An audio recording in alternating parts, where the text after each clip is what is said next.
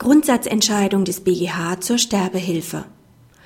Der BGH hat in einem Grundsatzurteil zur Sterbehilfe entschieden, dass ein Behandlungsabbruch nicht strafbar ist, wenn dies dem mutmaßlichen Patientenwillen entspricht und dazu dient, einem ohne Behandlung zum Tode führenden Krankheitsprozess seinen Lauf zu lassen. Die Entscheidung betraf den Fall eines Rechtsanwalts, der einer Mandantin geraten hatte, den Schlauch der Magensonde zu durchtrennen, durch die die in einem irreversiblen Wachkoma befindliche Mutter der Mandantin ernährt wurde. Während die Vorinstanz seine Mandantin wegen eines unvermeidbaren Verbotsirrtums freigesprochen hat, wurde der Rechtsanwalt wegen versuchten Totschlags durch aktives Tun verurteilt. Der zweite Strafsenat des BGH hat dieses Urteil nun aufgehoben und den Rechtsanwalt freigesprochen. Das Landgericht habe zwar zutreffend festgestellt, dass es sich bei dem Durchschneiden des Schlauchs um ein aktives Tun gehandelt hat. Nach bisheriger Rechtsprechung war eine Sterbehilfe durch aktives Tun stets strafbar. Der zweite Senat hält an dieser Rechtsprechung jedoch nicht länger fest. Zur Begründung verweist er zum einen auf die geänderte zivilrechtliche Rechtslage durch die im Jahr 2009 erfolgte Änderung des Betreuungsrechts. Der Gesetzgeber habe mit den Neuregelungen zur Patientenverfügung entschieden, dass der Wille des einwilligungsfähigen Patienten unabhängig von Art und Stadium seiner Krankheit verbindlich sein und Betreuer und Ärzte binden soll. Außerdem habe sich die bisherige Abgrenzung von zulässiger passiver und unzulässiger aktiver Sterbehilfe anhand der naturalistischen Unterscheidung von Tun und Unterlassen als unpraktikabel erwiesen. Der BGH will stattdessen alle Handlungen, die mit der Beeidigung einer ärztlichen Heilbehandlung im Zusammenhang stehen, unter dem normativ wertenden Oberbegriff des Behandlungsabbruchs zusammenfassen.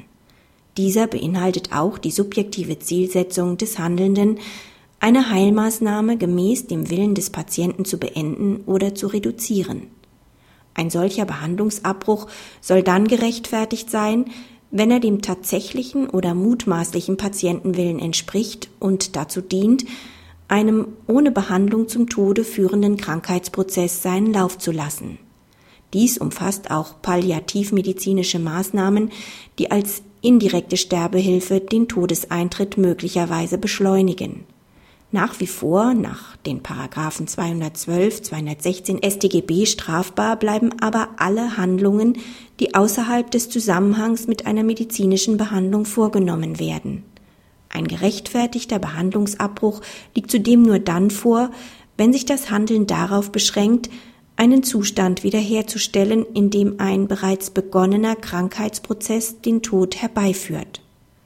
Unzulässig sind demgegenüber solche Eingriffe, die die Beendigung des Lebens unabhängig vom Krankheitsprozess herbeiführen. Ausdrücklich weist der BGH auf die strengen beweisrechtlichen Maßstäbe hin, die im Hinblick auf die Feststellung des mutmaßlichen Behandlungswillens zu gelten haben. Hier sei insbesondere zu prüfen, ob die Verfahrensregeln der Paragraphen 1901a fortfolgende BGB beachtet wurden. Praxishinweis die Grenzen zwischen erlaubter und unerlaubter Sterbehilfe waren durch einander teilweise widersprechende Entscheidungen der Straf- und Zivilsenate des BGH unübersichtlich geworden. Für Patienten, Ärzte und Angehörige führte dies zu einer unerträglichen Rechtsunsicherheit. Die vorliegende Entscheidung des zweiten Strafsenats schafft zusammen mit der 2009 verabschiedeten gesetzlichen Neuregelung der Patientenverfügung endlich Klarheit.